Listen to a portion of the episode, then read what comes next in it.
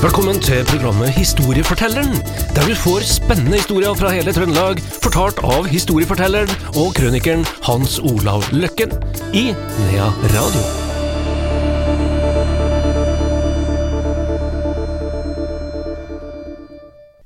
Historiefortelleren i Nea Radio på plass igjen, det er også Hans eh, Olav Løkken og Andreas Reitan.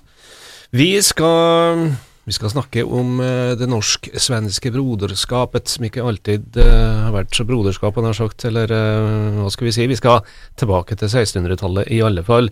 Ja. Eh, jenta og trøndere var vel egentlig samme folk? Det var nok samme folk, ja. Det er vel ikke noe tvil om. og Hvis en ser på litt større dimensjoner rundt det her, så er vel kanskje mange av de som bor i hele Skandinavia samme folk. Tenk om Norge og Sverige og Danmark har vært én nasjon. Det er jo mange som har tenkt den tanken. Vi holdt jo på da i Kalmarunionen, ikke sant. Eh, Jeg vet ikke om det er godt, men eh, du verden for en nasjon det er blitt. hvis, en- tenker litt sånn, da. Her. Men vi, eh, vi skal begynne denne historien med ei gråtende kvinne som eh, sitter nede med bredden, eller kanskje på ei brygge, da, og myser utover på og et sund mot en holme på andre siden. Hun var jo full av tårer, og synet hemtes, og hun skrek for full hals, og hun har vel skreket ganske så lenge. Hvorfor var det ingen som hørte henne? Eh, håp gikk jo over til fortvilelse. Så kom redselen oppi alt det her. Og eh, hun var der alene med en tjener som fulgte henne.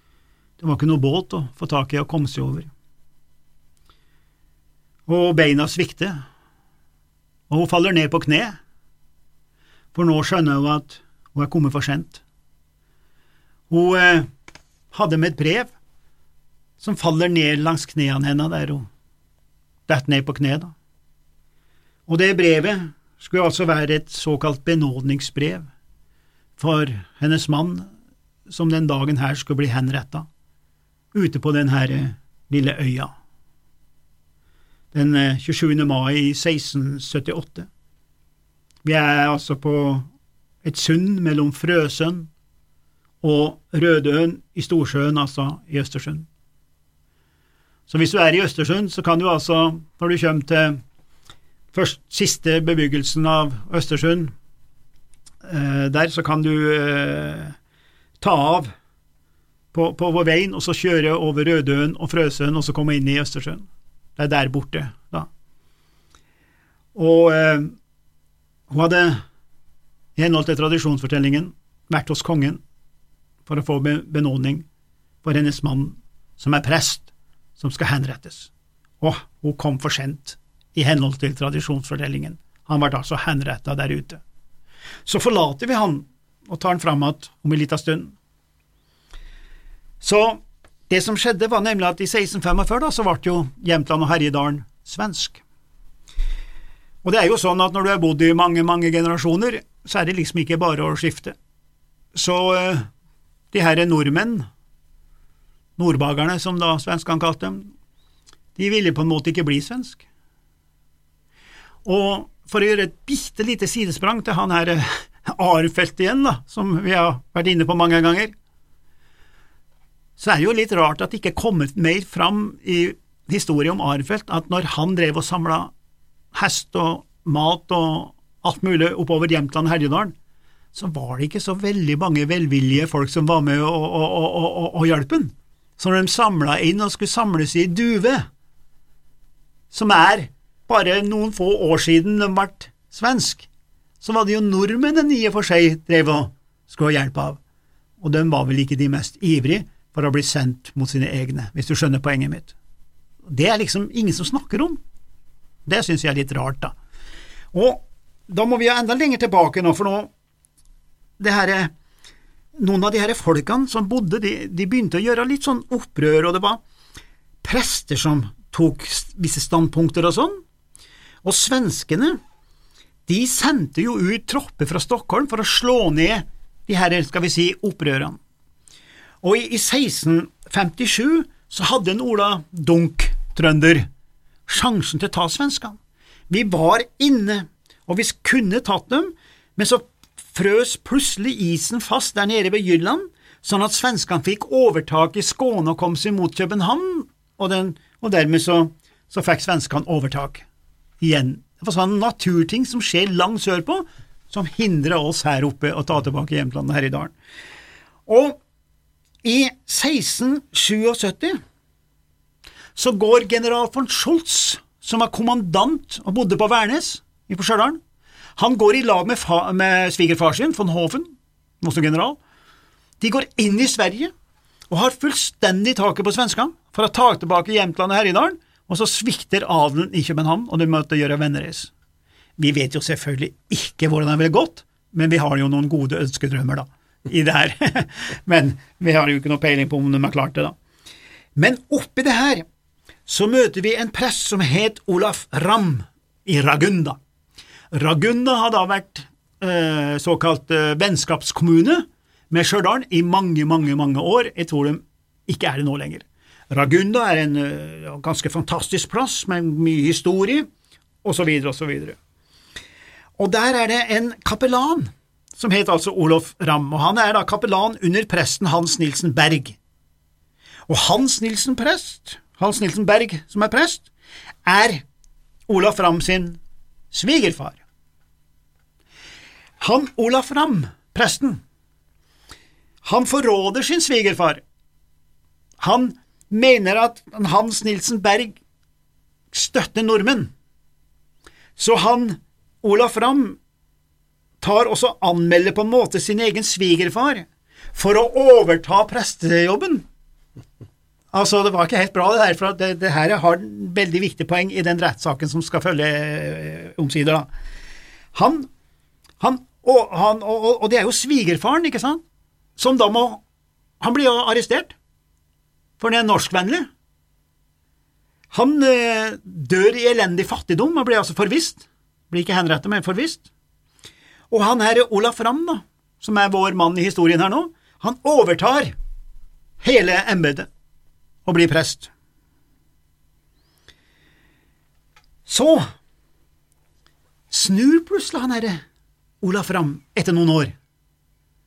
Han begynner å rapportere til norske tropper så han snur. Da er hun førstekona død, som var datter av han som henne forrådde.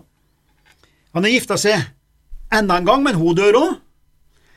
Og det begynner å bli litt problemer for han her Olaf Ramm, for det er jo det han forsvarer seg med i rettssaken senere, at han, han begynte å rote litt her i livet, med tanker, og han skrev i gåseøyne leserinnlegg som han ikke mente å skrive, da, hvis du skjønner poenget. Det er det han sier liksom at jeg har skrevet ting som jeg ikke burde ha skrevet og sånn, da, for han skulle prøve å komme seg vekk fra bødelen, da, her, for nå er vi litt foran historia. Når du da kjører inn til Østersund, så passerer du den aller siste bebyggelsen som heter Ytterøen. Det er et bitte lite sentrum, det er ei bro der, og så er det bare noe skog, og så er det inne i Østersjøen. Hvis du stanser der ved broa, så ser du også en stor minnestein. Det er også minnestein over en som het Morten Jønsson, som var en sånn motstandsmann som var på norsk side. Og Han ble dømt til å bli henretta, men han klarte å hoppe ut av båten og la seg drukne. av sitt eget liv, altså. Men så blir det rest rettssak mot han herre Olaf Ramm her, for at han jobba for nordmenn. Han var tyster og spion, nesten her, da. Så det, han og ti andre blir dømt til halshugging. Skulle halshugges da den 27. mai i 1678 på noe som heter Tibrandshøgen, eller Tibrandsholmen, som er en holme du ser når du kjører fra Frøsund og skal rett nordover. Du skal ikke inn via Østersund, men du skal inn på Europavei 14 og så til, til, til Trondheim, da. Så Der ligger det en kolossal haug, og det er noe skilt og sånn, og der bør du alle som hører på dette, bør stanse der og så lese de turistinformasjonene og det som er satt opp der om historier som vi driver og forteller, og bla, bla, bla. Så, så de skulle bli henretta der, men ti av dem klarte å rømme, men ikke han ære Olaf Ramm, da. Så han Olaf Ramm, han, han eh, skal forsvare seg, det går ikke noe bra, og så kommer dagen. Da hadde han tredje kona hans, Karin, som også var datter til en prest, hun hadde da dratt i henhold til tradisjonsforskjellingen, som jeg var inne på i sted, ned til Stockholm for å få presten benådet, står det i, i svensk historie. Men det er ikke rett. Si da Bo Oskarsson, som er historiker og en stor personlighet i Østersund, og som har lært meg alt om det her. Din gode kollega. Ja, han, er, han, er, han kan noe, altså. Han kan utrolig mye. Han sier at den der tradisjonshistorien der, den er ikke rett, den. Det er en annen som er rett. Da, og det var Det er helt rett at hun kom og satt og gråt. Og i gåseøynene nesten var Hun var ikke bevitna at, at mannen ble henretta, men hun har vært i Stockholm. Men ikke for å få benådningsbrev, men for å få tillatelse til å ta ned sin mann, som hadde blitt halshugd flere uker på forhånd, ikke sant? Så hun kom jo senere dit ned, da. Og da ble det var det, Henrettelsesmetodene den gangen var jo halshugging først. Og så ble det lagt på steile, et sånt hjul uten hode, og så ble hodet satt på stake. Og hun ville da ta ned alt det der, for å legge den i gåseøyne kristen jord, legge den i, i, i, jorda, ikke sant. Det var derfor hun dro til Stockholm. For han var jo død når hun dro til Stockholm, så det var ikke noe benådningsbrev, sånn som man har blitt lært opp til, da, på mange måter. Men hun fikk avslag. Hun fikk ikke ta ned. Han hang der faktisk talt sju år etterpå. Lå han oppå den steilen der. Hjulet og Korpen og alle sammen har jo forsynt seg. Fikk ikke røre han på sju år og gjøre opp noen ting der. Og det, det var det hun ville øh, ordne opp med, da. Og det som er interessant med det her, med det her motstandsfolkene, det er jo at han her Bo Oskarsson i Østersund, han har jo de siste årene skrevet, forska, stått på for å så få de her nordbaggerne og oss, da, meg og deg, Andreas, altså få oss til å bli de som gjorde rett. Altså, det var deres plikt. Altså, det var gitt til Sverige, men de ville være norsk, da, ikke sant? Og ikke det motsatte, da, så de har blitt sett ned på av, av svenske historikere, mens han Bo Oskarsson, som er renhakka svensk, forsvarer da nordmenn og de herre som ble henretta og alt mulig sånn. Altså. Forsvarte at de gjorde i og for seg rett. da. Og det er ganske tøft når du lever som en sånn egen svale blant uh, alle andre som har et annet syn, da. Men han er helt utrolig å høre på, og, dere bør uh, få han som guide der borte og sånn også. Og så er jo klart det at når dere kommer dit ut, da, og Årsaken til at jeg ble interessert i det her, var jo i, med Jakob Reda Bull, da, som har skrevet eh, litt om det her, og, og, og forsvart han her presten, da, som var litt sånn tosidig. Han, han skifta jo side. Så, og det var jo, var ikke særlig bra at han uh, forrådde sin uh, svigerfar og overtok embetet og sånn. Det var, var, ikke bare bra, da, alt men. Uh, men likevel så så er det litt interessant historie rundt det som skjedde ute ved Frøsund der. Og Frøsund er en fantastisk plass. Østersund er jo noe nytt, det. Det var i går, det, Østersund kom. Men Frøsund det er hundrevis av år tilbake, med enorm historie. Og man styrte jo veldig mye fra Frøsund, som var et enormt maktsenter. Ikke Østersund, men Frøsund. Altså du må over brua her, da. Og når det kommer ut til den her Rødhund, den øya, den neste broa, og så ut der, og skal stå der og se på det henrettelsesstedet og de haugene der og, og, og, lese, så er det lagt opp en sånn informasjon som du leser der. Og på informasjonstavlene så står det jo direkte ut at hvis du står bare lenge nok nå og føler deg liksom inn i den svenske historie, så uh, kan du absolutt høre de her fortvila ropene til Karin, prestefruen, som står på andre sida av sundet og roper fortsatt om å få ta vekk mannen sin. Det var en dramatisk historie fra republikken Jämtland. Vi får uh, se hvordan historia kommer til å arte seg. Det er ikke sikkert vi blir uh, svensk-norsk igjen, men Nei, hvem vet? Hvem vet?